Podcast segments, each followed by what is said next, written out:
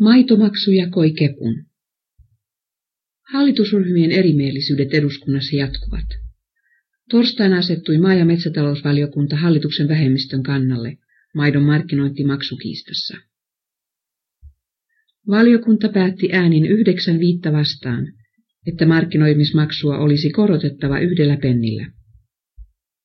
Hallitus esitti äänestyksen jälkeen, että maksua korotettaisiin 0,85 pennillä. Maidon markkinoimismaksu on nykyisin pennin litralta. Maatalousvaliokunnan äänestyksessä muodostivat enemmistön sosiaalidemokraattinen puolue, kokoomus ja valiokunnan kepulainen puheenjohtaja Toivo Yläjärvi.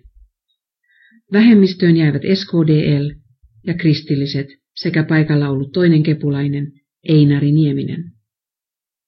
Hallitus päätti maatalousministeri Taisto Tähkämaan keskustapuoluelainen esityksestä äänin kahdeksan kuutta vastaan, että maidon markkinointimaksua korotetaan 0,85 penniä.